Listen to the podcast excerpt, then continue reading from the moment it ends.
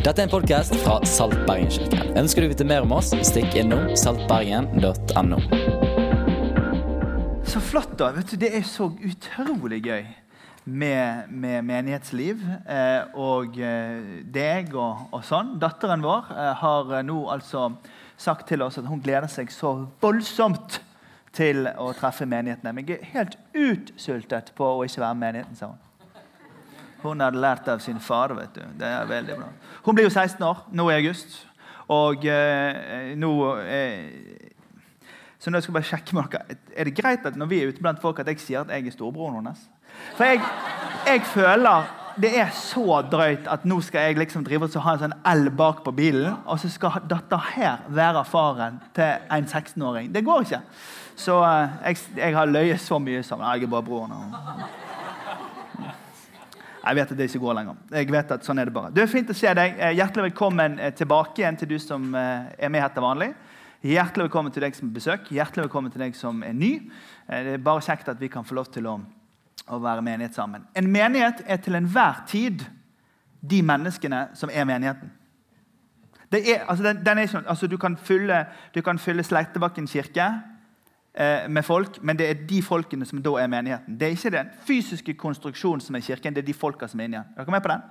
Eh, og vi, vi, er veldig opptatt av den lokale menigheten i denne menigheten. her. Vi, vi er liksom sånn, litt sånn, veldig energisk opptatt av at vi tror at eh, vi kan lage et sted et sted hvor troende mennesker kan le med hverandre, og grine med hverandre, og styrke hverandre og holde på med oppdraget som Jesus har gitt oss.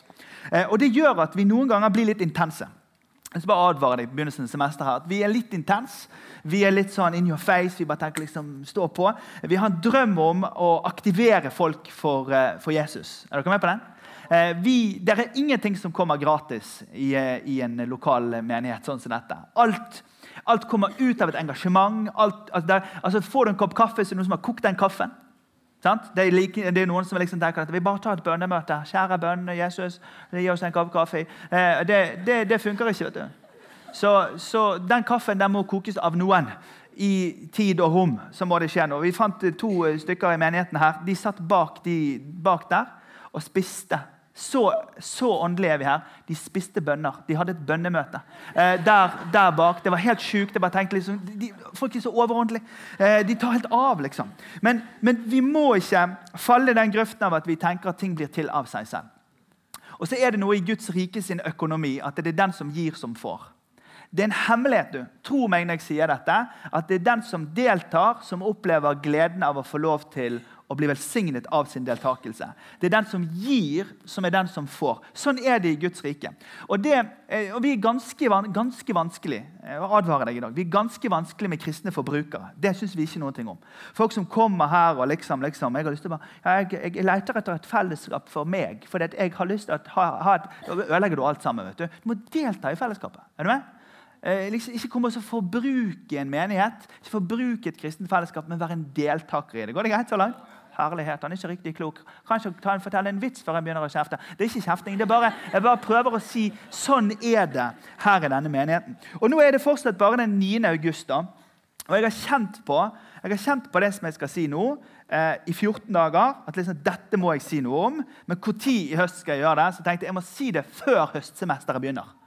Så, så, det som jeg, jeg har, har, sagt det en gang før i dag, på forrige gudstjenesten, og nå skal jeg si det til dere Og jeg har mest sannsynlig vært festligere enn jeg kommer til å være i kveld. Jeg har mest sannsynlig truffet bedre. Nei, det har jeg kanskje ikke. Men, for jeg tror jeg kommer til å treffe ganske godt. Men jeg har, behov for å si noe i kveld som legger litt sånn grunnlag for det som skal skje i løpet av høsten. Går det greit? Og det kommer ut av en personlig nervøsitet. Jeg er grunnleggende litt sånn nervøs akkurat nå innenfor denne høsten. Og Grunnen til at jeg er litt nervøs før denne høsten, er at jeg føler at vi har satt i gang såpass mange ting. Eh, eh, vi, har, vi, har, flyttet på såpass mye folk eh, som har sagt seg villig til Noen skal være med og bygge et ungdomsarbeid. Noen har akkurat solgt huset sitt på Landås og skal flytte til Os og det huset er ikke ferdig ennå. Noen har akkurat flyttet til Voss. Vi var på Voss i går og hadde sånn oppstart der oppe. Og så eh, har vi folk som er ute i Thailand og holder på der. Og så har vi folk som holder på i, i India. Og så har vi folk som holder på her i byen. Og så skal vi bort på Riks. Jeg tør ikke si det til min mor engang. At hva, du skal på en nattklubb og ha kirke, det er ikke riktig klok', sier hun til meg. da. Så ikke si noe til min mor om det, heldigvis ikke på Facebook. Og det er noe med at når du, når du initierer så mange ting som denne menigheten her gjør, så kan du liksom tenke hvorfor gjør vi det? Kunne ikke vi bare kule han litt? Og der er jo de som sier det liksom, Kan ikke vi bare ta det litt med ro? Her går jeg i en menighet, kan ikke vi bare gå i den menigheten? Hvorfor skal vi alltid holde på med mer? Og så er det de som sier hvorfor, er det, er det liksom, Vil mye ha mer, liksom? Er det selvrealiseringen til de kristne lederne? dette her? Er det liksom vi skal få det til? Er det det som er driven? For Vi er en karriereorientert kultur. Vi tenker som oftest om hvis det er noen som vil mye opp og fram, så gjør vi det litt sånn for å bygge en karriere. Bare innrømme til deg bare i begynnelsen av semesteret vi driver ikke med karrierebygging i kristne greier. Men det går an å tenke er det det som er greiene. Det går også an å tenke at Er det, er liksom, er det en grådighet? Vil man ha mer? Har man behov for å lykkes? Er det noe man skal skrive på Facebook at man får til? For det, Samtidskulturen vår har sine motivasjoner. Og Av og til så kan noen av motivasjonene man ser i en sånn kristen menighet, så dette, tenke liksom, oi, det ligner litt på. Men saken er den at den referanserammen kan vi ikke kjøre oss fast i. Vi er nødt til å gå fra den referanserammen og så må vi gå til Jesus sin motivasjon og så må vi spørre hva var det som motiverte han. Og så må vi heller forsøke å ligne på den motivasjonen. Følger dere meg? For det er ganske mange som trykker 'not like' på det. Jeg liker ikke sånn her menighet, for det, det, liksom, det, bare handler om de der som synger. Det bare handler om han på gitaren, og spesielt han der borte på gitaren. Og så handler movesene til han der fra Haugesund på gitaren. Så handler det bare om hun der. så handler det bare... For vet du hva? Det går fint an å realisere seg sjøl gjennom frivillig arbeid. Det går fint an å lage et show som man plasserer seg sjøl som en stjerne i. Det går fint an i den kulturen vi lever av, å bygge opp en greie for egen del. Derfor må vi alle kristne spørre oss sjøl hva er den opprinnelige motivasjonen som gjør til at vi holder på med de tingene vi holder på med. Er dere med på den? Så jeg har lyst til å snakke litt om hvorfor med deg her i kveld. Og så blir det litt sånn, det blir litt sånn tydelig, men vi skal komme gjennom til et så godt poeng så jeg tror det kommer til å endre høsten for mange av oss. Okay? Jesus sier Johannes, eh, unnskyld, i Matteus 9. Jesus vandret nå omkring i alle byene og landsbyene, og han underviste i synagogene deres, forkynte evangeliet om riket og helbredet all sykdom og plage. Og Da han så folkemengden, og her kommer han til motivasjonen sin, da fikk han inderlig medfølelse med dem, for de var forkomne og hjelpeløse som sauer uten gjeter. Og Da sa han til disiplene.: Høsten er stor, arbeiderne er få. Be derfor høstens herre om å sende ut arbeidere for å høste inn grøden hans. Og Så lærer han disiplene sine opp til å be en bønn om at de skal sende ut arbeidere. Men så finter han de egentlig, og så er det de som plutselig svarer på sin egen bønn. Og Det er det som er så lurt med Jesus. Ja, Det synes jeg at vi burde satse på, men det er du som kan gjøre noe med det. Det, det skjer hver eneste gang. Det er akkurat som ja, kjære Jesus, jeg ber for Grønland. Ops, så blir jeg misjonær på Grønland. Eh, fordi at vi opplever at ansvaret som vi tar inn i bønnene våre, blir plutselig en del av livet vårt. Og Det er det som skjer med disiplene til Jesus i overgangen mellom Matteus kapittel 9 til kapittel 10. For hele kapittel 10 handler om de som blir sendt ut for å fortelle nye mennesker om Jesus. Og Jeg er ufattelig stolt av denne menigheten. Jeg har vært leder i denne menigheten i 11 år sammen med mange andre dyktige ledere her. Vi møtes nå på eh, fem-seks steder. Det tallet har vi egentlig ikke helt klart for oss, men det skjer ting overalt i denne menigheten. Og Vi er utrolig glad for det. Og Min erfaring er at veldig mange i denne menigheten ber til Gud om at noen skal gå. Men ganske mange lurer på hvordan kan jeg få lov til å være med på det som skjer. For det blir plutselig litt vanskelig når du skal jobbe 40 timer på Haukeland sykehus, og så har du tre unger som skal gå på idrett, og så skal du på, handle på Ica, og så skal du vaske bilen om lørdagen, og så skal du gå i menigheten her og hjelpe til litt. Mange opplever jeg klarer å be, men jeg klarer ikke helt å gå. Men De siste årene har vi fått kjempemye hjelp av et ord som heter misjonal menighet. Det er et litt sånt eh, nyord, men jeg bare understreker hvor viktig den tanken har vært for oss. Og for mange kirker i den vestlige verden. Fordi Misjonal menighet kommer fra ideen om at Gud ikke bare holder på med misjon, men at Gud i sitt hjerte er misjonerende. Gud driver misjon i verden. Missio Dei. Han har en tanke for verden. Så Hver eneste gudstjeneste i Bergenskirken så avslutter vi med bro til tro. Og så sier vi du der du er, på din arbeidsplass og på din skole, der hvor i nabolaget hvor du bor, der er du en misjonær for Jesus. Du kan stå på for Jesus på den plassen. Og vet du hva? Tommel opp. Vi har lyktes i løpet av disse årene å få bredden av denne menigheten engasjert i en oppgave, engasjert i sitt trosliv, og jeg er superfornøyd. Tommel opp. Like fullt så har jeg behov for noe, og så ta oss ett hakk videre. ok? Ett hakk videre, og nå blir det alvor. Da, da, da, nå blir det alvor. Ett hakk videre, fordi at i sommer, for noen uker siden, så fikk jeg, eh, jeg var jeg inn på Facebook. Eh, jeg hadde litt sånn eh, pause, og så var jeg innpå igjen. Og så fikk jeg dette bildet fra noen av våre medarbeidere i India. Og dette er noen folk, Jeg kjenner disse. De har stått på, gått på bibelskolen vår der ute. Arbeider i en, i en av landsbyene der. Det er over tre, rundt 3500 mennesker med i rundt 85 fellesskap som vi har fått lov med å å bidra til i løpet av de siste fem årene i menigheten vår. Disse har fått noe juling av militante hinduer eh, fordi de forkynner Jesus. Og Da kjenner jeg det i bilen på vei oppover Frankrike. I en helt trygg Volvo med tre fine unger og en fornuftig kone. I et trygt del av verden. At det er vårt ansvar at disse folka er sendt. Og den motstanden de føler på tar jeg den inn i hjertet mitt. Jeg kjente det som en dunk i hjertet. Og jeg har behov for å si til meg og deg kan ikke du være grei å føle på det samme. Fordi Vi trenger også å si til de 3500 folkene som er med i India-opplegget vårt, at de føler på det som de følte på det.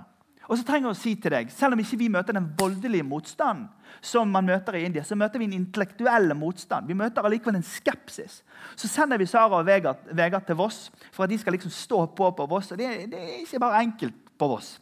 I går så snakket vi, altså, Det er litt voldsomme perspektiver. I går satt vi og diskuterte på en sånn sommerfest. Ja, Vi må tilbake til 1023 for å forstå hvorfor. Herlighet, litt av noen perspektiver. De er verre enn meg, disse her. Og så sier han andre ja, i 997 så kom Det, det er sykt lange perspektiver. Jeg tenkte jeg hadde voldsomme visjoner, men de der snakker om 1000 år siden, og mer enn 1000 år siden, er grunnen til at det er et eller annet sånn smale hode. Så, så, så, det, så det som skjer, vet du det er det at Vi møter ulike typer motstander, men jeg er livende redd for at Sara og Vegard skal bli alene. Jeg er livende redd for at Anja og Kristian i Nordhordland skal føle seg ensom. Jeg er livende redd for at de som begynner ungdomsarbeidet, skal føle at de står Jeg er livende redd for at vi glemmer å be for Håkon og Eva i Bangkok. Jeg er redd for at vi glemmer å be for de frontrunnerne som møter hindumilitante i disse landsbyene. Så det som jeg har lyst til å gjøre i løpet av de neste få minuttene, det er å prøve å vise deg at det er en helt klar sammenheng mellom hvordan vi tar imot de menneskene som går fremst for å fortelle om Jesus, og hvordan vi faktisk tar imot evangeliet i seg selv. Nå skal jeg vise deg fra Bibelen hvordan dette henger sammen, og så skal jeg oppmuntre deg og samtidig utfordre deg. For sånn er det sant, Bergenskirken. Slik er det bare. Hvis du har lyst til å bære for trøst, så bør du ikke gå her til vanlig. En bare sier det. Ikke kom igjen hvis du bare vil ha kos og klem. Altså. Det, det, vi er ikke så snille. Vi er ganske aktivistiske i den forstand at vi, vi, ønsker å se Guds rike komme. Og vi lener oss hakket fram. Det er ikke sunt for alle å være en del av denne menigheten. Bare advar, Det er ikke bra for deg. Du kommer til å kjenne litt så herlighet. Jeg må begynne å be. Det syns vi er bra på sikt, men kan det være du tenker det orker jeg ikke heller se på TV? Så det kan være dytte deg over kanten til at du begynner å be litt. Dytte deg over kanten til at du begynner å være litt aktiv. Så ikke vær en del av denne menigheten. Jeg bare sier det. Hvis du bare vil ha fred. Nå er du advart.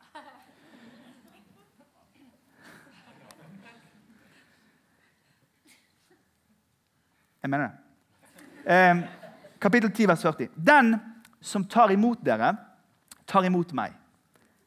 Smak på den, da. Den som tar imot dere, tar imot meg. Og den som tar imot meg, tar imot han som har sendt meg. Den som tar imot en profet fordi han er profet, skal få en profets lønn. Den som tar imot en rettferdig fordi han er rettferdig, skal få en rettferdighets lønn. Den som gir en av disse små om bare så et beger kaldt vann å drikke fordi han er en disippel, Sannelig sier jeg dere, han skal slett ikke miste sin lønn.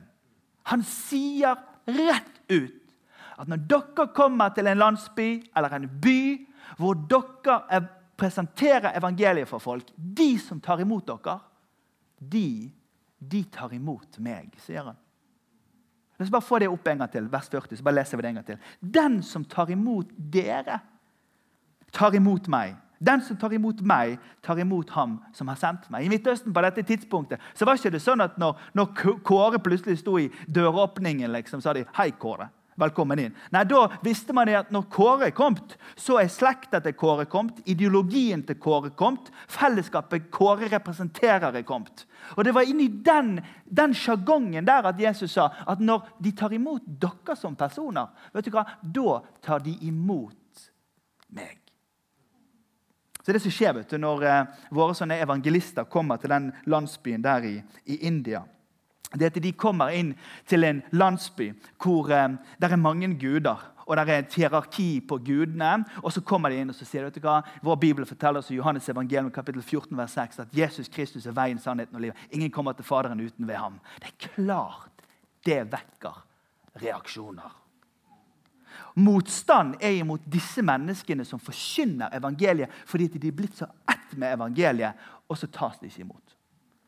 Når evangeliet forkynnes i en landsby i India, hvor de kasteløse er nederst og ligger på en pappkasse langs elven, og de, de høykastene ikke engang ser de engang, så vekker jo det sosial revolusjon å si at innenfor Gud står vi alle likt. Innenfor Gud er ikke det fattig eller rik, trell eller fri, mann eller kvinne. Alle står likt innenfor Gud. Klart det vekker reaksjoner og blir en konfrontasjon. For du vet, Det budskapet vi bærer med oss, det er så innvevd og ett med den vi er som person, at den som tar imot dere, tar imot meg. Og Gjennom Matteus evangelium så kan du se at det er ikke liksom åndeliggjort. Det er konkret i tid, sted og rom og personer at noen folk de bærer evangeliet med seg på en slik måte at når de kommer til en plass, så er det det de representerer. Jeg var og talte her for noen for, for, litt siden, og så var det, noen, var det en mann som sa til meg Er ikke du redd av og til at du om ti år bare våkner opp og tenker at liksom, hva er det jeg har gjort med livet mitt? Her har jeg snakket om sånne kristne og Gud og Jesus og sånn, og på alle mulige arenaer. For det er liksom hele internettet vet du, Man googler et navn på en kristen forkynner eller prest, er jo på en måte det budskapet til slutt. Men jeg kan med hånd på hjertet si til deg at liksom, hvis det var min person som var det viktige, så hadde jeg selvfølgelig drevet med noe annet. Men det koster meg en kalori at når folk tenker på mitt navn, så skal de tenke på han der, en kristen forkynner. Når jeg ser han, så ser jeg på en som brenner for det han tror på, og som brenner for Jesus. Når de tar imot dere, tar han imot meg. Og jeg tror at vi trenger å bære evangeliet med stolthet. Jeg skammer meg ikke over evangeliet, for det finnes en kraft i evangeliet som kan forandre mennesker sitt liv. Evangeliet er det beste budskapet i verden. Det er ikke en ideologi under solen som kan måle seg med evangeliet om Jesus Kristus. Det er ikke en religion på kloden som har et så fantastisk budskap som at Gud ble menneske, tok bolig blant oss og bar våre synder, bar vår skam, og sier til folk som ligger på dødsleiet etter å ha vært som hinmannen sjøl resten av hele livet, at de kan få nåde i siste pust. Det fins ikke ett bedre budskap enn evangeliet om Jesus Kristus. Og Jeg bare drømmer om at når våre folk kommer til disse landsbyene i India og konfronterer eh, eh, kastesystemet, konfronterer forvirringen med guder, eh, konfronterer maktmisbruker, konfronterer disse tingene og bare peker på Jesus Vet du hva? Jeg, jeg håper at vi kan gå med dem. Jeg bare håper at vi kan stå sammen med de som bare gir jernet for de fem kommunene i Nordhordland. Jeg bare håper vi kan stå med de som skal lede arbeidet bort på Riks. Jeg bare håper vi kan stå med de som skal gi jernet for ungdom i denne byen. Jeg håper at når de går, at de ikke går alene. Jeg drømmer om at vi skal være en sånn menighet. En menighet som ikke slipper folk, men en menighet som sender folk og går med dem. Vers 41 så står det at den som tar imot en profet fordi han er profet, skal få en profets lønn. Den som tar imot en rettferdig fordi han er rettferdig, skal få den rettferdiges lønn.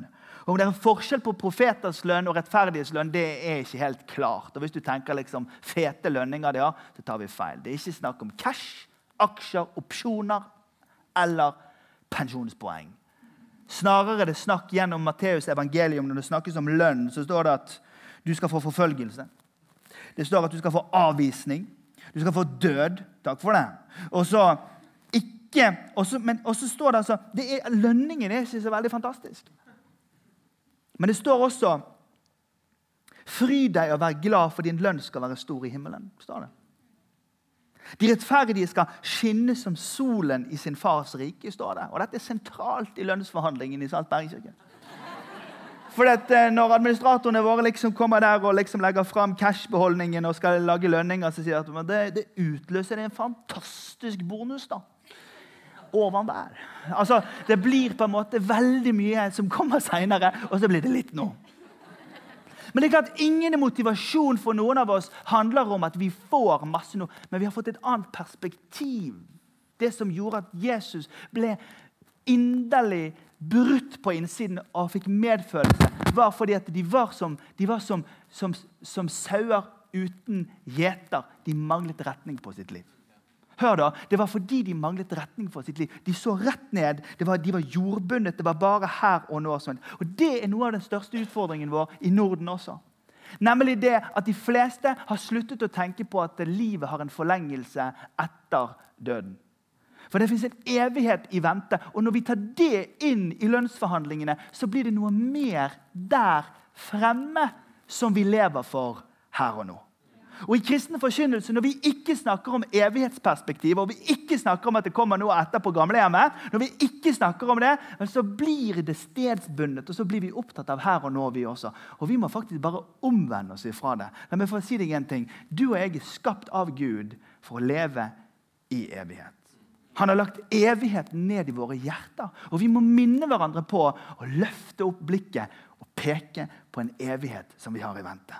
Og det å være en disippel, det å få lov til å flytte til Voss og fortelle mennesker på Voss om at det går an å bli, eh, liksom, få fred med Gud, helt fantastisk. Jeg satt og snakket med en mann i går kveld. Han møtte Jesus. Han skulle akkurat til å gjøre noe veldig dumt liv, for å avslutte livet sitt. Og Der plutselig så bare dukker det opp en bok. Eh, og så Den boken leder han til at han kommer til tro. Og Så kommer han til tro, og så kommer han inn i menigheten og så sier han liksom, det her er blitt min familie. sier han. Come on. Og jeg vet at Det fins flere flere sånne fortellinger. Det er 14 000 vossinger. Det som Lars Ponheim, han fylkesmannen, han sa at jeg skulle tro det sto i Gamle testamentet skal ikke være mer enn 14 000 på oss. At Det er ingen vekstkommune. Det vokser ikke så voldsomt. Men de trenger Jesus. Altså. I tell you, I've been there. De trenger Jesus.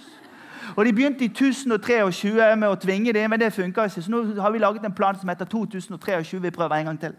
Fordi, at, fordi, at, fordi det er noe med at vårt hjerte tvinger oss til å fortsette fordi vi ønsker å fortelle folk om Jesus. For det fins en evighet i forlengelsen av dette. Over i Matteus kapittel 25 så tar Jesus opp igjen noe om dette. Dette med hvordan vi behandler de som er sendt. Og Da leser vi fra vers 31. Men når Menneskesønnen kommer i sin herlighet, og alle englene med ham, da skal han sitte på sin trone i herlighet, og alle folkeslagene skal samles foran ham. Han skal skille dem fra hverandre som en gjeter skiller sauene fra geitene og stiller sauene på sin høyre side og geitene på sin venstre. Og så skal kongen si til dem på sin høyre side.: Kom hit, dere som er velsignet av min far, og ta i arv det riket som er gjort i stand for dere før verdens grunnvoll ble lagt.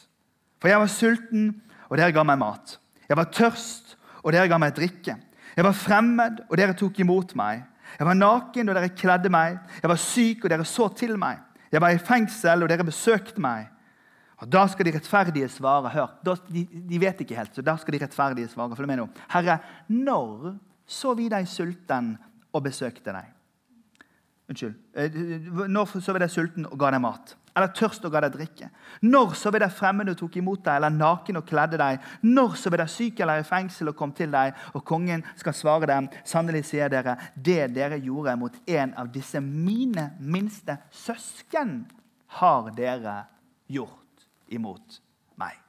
Og Her snakker han ikke om foreldreløse barn i Sør-Amerika. Han snakker ikke om ungdommer som driver dank eller, eller liksom gjør ugagn. Han snakker ikke om ensomme folk på eldresenter. Når han snakker om disse mine minste så snakker han om sine disipler.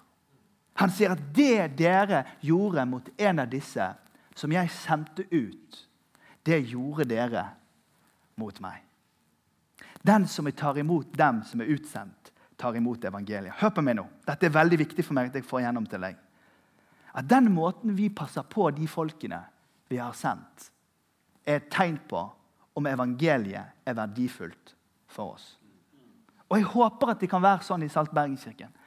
at når vi ser det bildet fra India, så blir vi bare lei oss fordi at fysisk vold er skremmende og, og traumatisk for oss å se. Men vi kjenner her inne at dette er en av våre som dette skjedde med. Vi må ta vare på denne fremmede som ingen passer på. Vi må kle den nakne som ikke har klær. Vi må gi mat til den som er sulten. Vi må besøke dem i fengsel. For det vi gjør mot en av de som representerer Jesus, folkens, det gjør vi imot Jesus selv. Og Det er en stor fare for kristne folk at vi blir litt sånn smånostiske og åndelige og spiritualistiske. Så frakobler vi evangeliet fra realiteten av her og nå. La meg få lov til å oppdatere deg og si at i kjøtt og blod akkurat nå så gjelder det de det der som var i den landsbyen i India. Det gjelder Gladwin. Det gjelder Håkon og Eva. Det gjelder kanskje en prest eller en pastor eller en kristen leder eller en misjonær eller en venn av deg som er ute på en, på en, på en sånn misjonsoppdrag. Det gjelder frontrunnerne. De tar, det er de som representerer Jesus. Og jeg håper at vi ikke bare sender dem. Jeg håper og ber til Gud om at vi kan gå med dem. Og Den som gir en av disse mine minste små om så bare et beger kaldt vann å drikke fordi han er disippel. For helt sannelig, jeg sier dere, han skal slett ikke miste sin lønn. Om så bare et kaldt beger vann.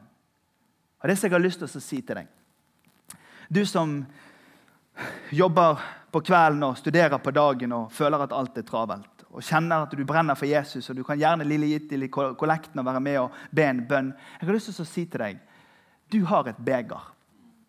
Og det begeret du har, det kan du bidra med overfor noen av disse menneskene som er sendt. Jeg drømmer om at vi skal være et sånt kristent fellesskap hvor det skal være godt å være utsendt. Jeg bare håper at det kan være sånn her, at når Håkon og Eva skal snakke om hvordan det er å være misjonær til Thailand, det er mange andre menigheter i Hordaland som hjelper til å betale for det, men vi er arbeidsgiver, så håper jeg at de sier når de kommer tilbake, vi opplever det virkelig. Vi opplever virkelig at menigheten hjemme sto sammen med oss. Vi, vi, merket det. Du vet, Jeg er jo kristne forkynner, sant? og jeg, av og til så har jeg behov for litt tilbakemelding. Og Jeg er så glad for sosiale medier, for da sender folk meg gjerne en melding. sant? Betydning, hva som er betydningsfulle. Er det noe som jeg sa en gang? Vet du hva, Det gir meg kraft til liksom, det, det, bare, det bare fyller på tanken. I ditt beger er det oppmuntrende ord. Sørg for å bruke dem. Ja, jeg tror ikke på å snakke så veldig høyt. Jeg bare overfører det i tankene mine fra hjerte til hjerte. Jeg tror ikke fra munn til munn. Det er, munn til munn er helt feil. Det, er etter, det hører ekteskapet og førstehjelpen til. Det er bare hjerte. Altså, Slutt med sånt fjas. Du, få det ned på en melding. Send et ord av gårde. Vær en oppmuntrer. Og selv om du ikke har liksom eh, eh hater Nordhordland Jeg kjører aldri over den broen. Nei, men du kan være glad i du kan være glad i Kristian og Anja. Du kan være venn med visjonen deres. Og så kan du si vet du hva, vi syns det er så fett at dere står på der ute. Vi synes det er supert. For det, det, er enkelte ting som blir litt knapt når man er i kristent arbeid. Så nå er jeg ikke her for å snakke til salt i grøten til meg. Eh, og jeg er heller ikke her for å fortelle detalj hva vi skal bare gi noen eksempler. Men det ville være fantastisk hvis noen ga typ Christian og Anja et livstidsabonnement på én gratis middag i uken. Skjønner du? Det koster bare noen millioner. Det er no problem for noen av dere. sant? Eh, eh, men, men, men, det vil være fantastisk. Bare, nei, vi stiller oss, det, hva, det, var noen som gjorde her i menigheten Det var noen i menigheten som sendte Espen og Jenny til Barcelona på ferie. De bare samlet Og det, det, er de, det, er ikke de rikeste her som gjorde det. Det var de som så de representerer evangeliet. Vi bare tar imot dem. Vi går med dem. Ja, de kan reise selv til Barcelona, men hjertet er vi med dem. på en måte. Er det med? Ja, men det, det, er veldig fint. Jeg skal si ingenting. Det er to familier som de siste 15 årene virkelig, I begynnelsen var det litt eh, tøffere for oss økonomisk.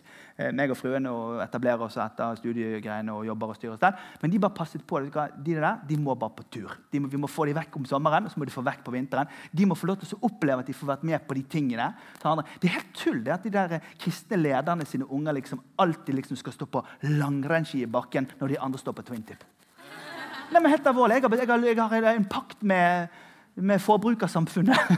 At mine unger skal ha twin tip til, til de kan ta salto med. Skjønner du meg? Fordi det handler om at, og, og, vi har to familier som bare har bevisst hjulpet til å passe på. At liksom, Hjulpet oss litt for å sørge for det. Så her er hytten, bruk den, eller bli med oss. eller det, Hva har du i begeret? Hører du meg hva jeg sier? For det går an å passe på de som er sendt. Det handler ikke bare om økonomi. Det handler også om å stille opp og være, en, eh, liksom, være barnevakt. Eller eh, liksom, ja, men vi tar og fikser, vi, tar og fikser, vi legger opp dekkene på bilen din. vi bare fikser. Men jeg vil at du skal tenke gjennom at vi kan gjøre det vi kan for å gå med de som vi sender. Om vi bare så gir en kopp med kaldt vann, men hva er i din kopp? Hva er det vi trenger i koppen i det moderne Norge? Hva er det Thailand trenger? Hva er det Gladwin og gjengen der ute trenger? Jeg bestemte bestemt meg for en ting. Jeg, lover, jeg, jeg meg for en ting. Når Gladwin blir 50, da skal vi sende ham på stuen. I want to go to Israel sier han til meg. We will fix this well, no problem, sier jeg. Jeg vet ikke hvor pengene skal komme fra, men jeg har bare bestemt meg for at når de blir 50, så skal han og konen få lov til å reise på studietur. Da skal de få ferietur til Israel. ikke det er litt gøy, da? Hva tror du han sier til Jesus når han ber? da? We thank you, Jesus, for burger, Sant? Og så får vi litt sånn eh, bonus for det. Eh, det. det. er jo fint å ha med. Men det handler om la, det, la oss overdrive med godhet, så at vi anerkjenner de som går fremst med evangeliet. For den måten vi tar vare på de, viser hvordan vi sjøl tar imot evangeliet. Kommer? Det er derfor jeg er så opptatt av at vi skal passe på alle som kommer hit og er gjester. Alle som kommer hit og er på besøk i menigheten vår her, alle som kommer her og forkynner. Jeg er sykelig opptatt av at de skal kjenne ikke luksus, men de skal kjenne seg veldig godt ivaretatt. Altså, vi, vi, ofte går vi og henter én person med to biler. Nei, altså, fordi at Vi ønsker så gjerne å si at du, du, representerer evangeliet, og det er viktig for oss å si at vi anerkjenner at du går fremst. i forhold til dette. Nei, men Det er utrolig viktig. det som jeg sier. Jeg håper, Kanskje vi bare bestemmer oss for det. At vi ikke bare sender folk og glemmer dem, men at vi går med dem. Og Så ser vi på koppen vi har, og så spør vi hva vi kan hive oppi den. Og så er vi alle sammen med.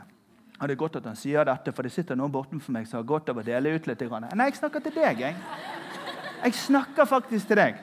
Det går faktisk an å nedjustere Det går faktisk an å gjøre noe med sin egen tid, sine egne ressurser og sitt eget forbruk som justeres på en måte som gjør at liksom jeg tar inn at jeg har også ansvar for noen andre mennesker.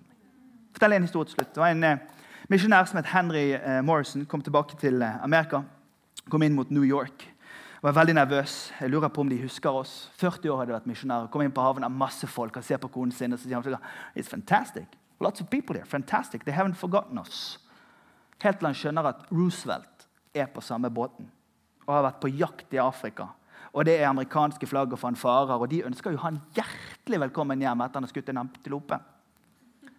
Men Henry og konen går ned. Ingen hilser på dem tar en taxi opp til en ettromsleiligheten som de har fått utlevert av misjonsorganisasjonen de jobber for. Og dette bare festet seg som en forkastelse i hjertet til denne mannen. Her er vi ute i 40 år, og når vi kommer hjem, er vi glemt.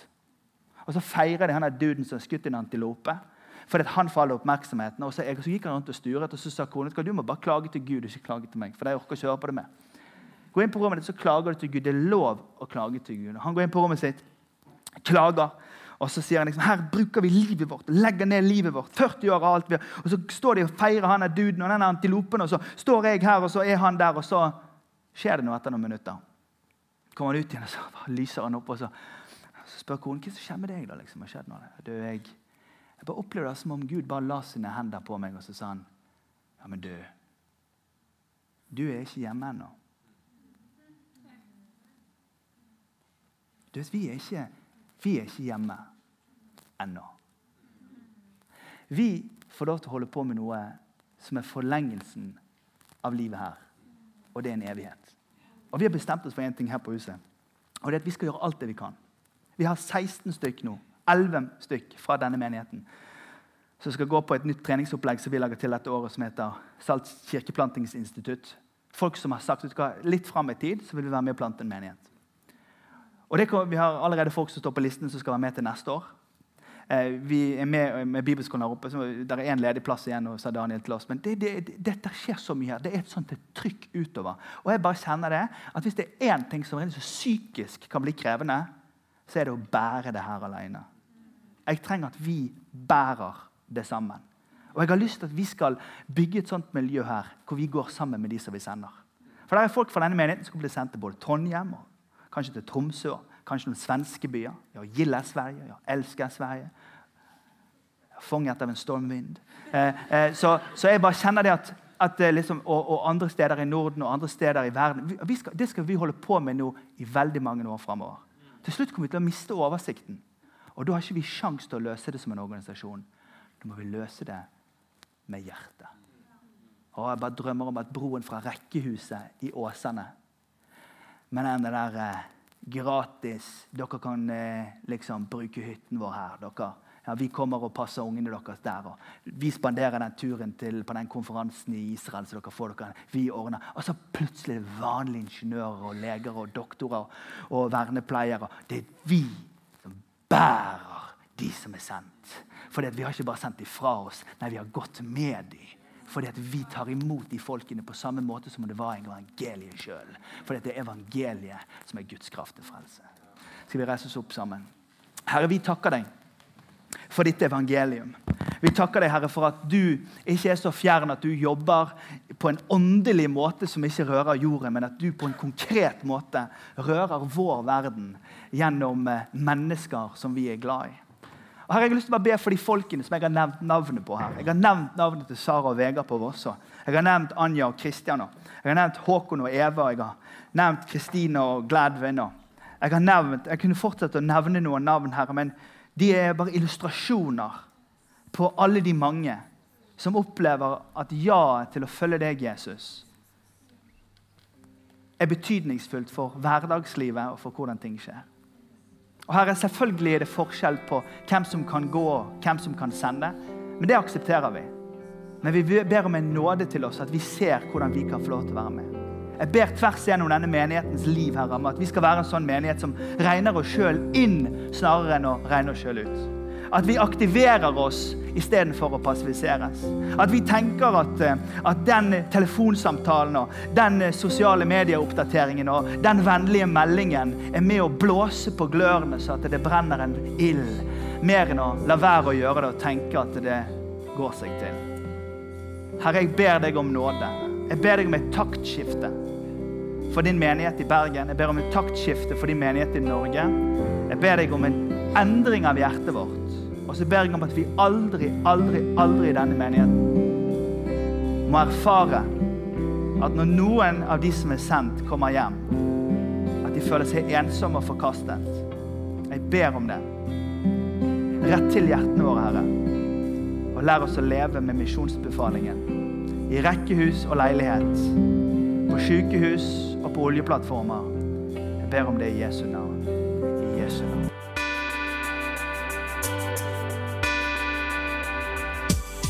Takk for at du har lyttet til podkast fra Saltbergenkirken.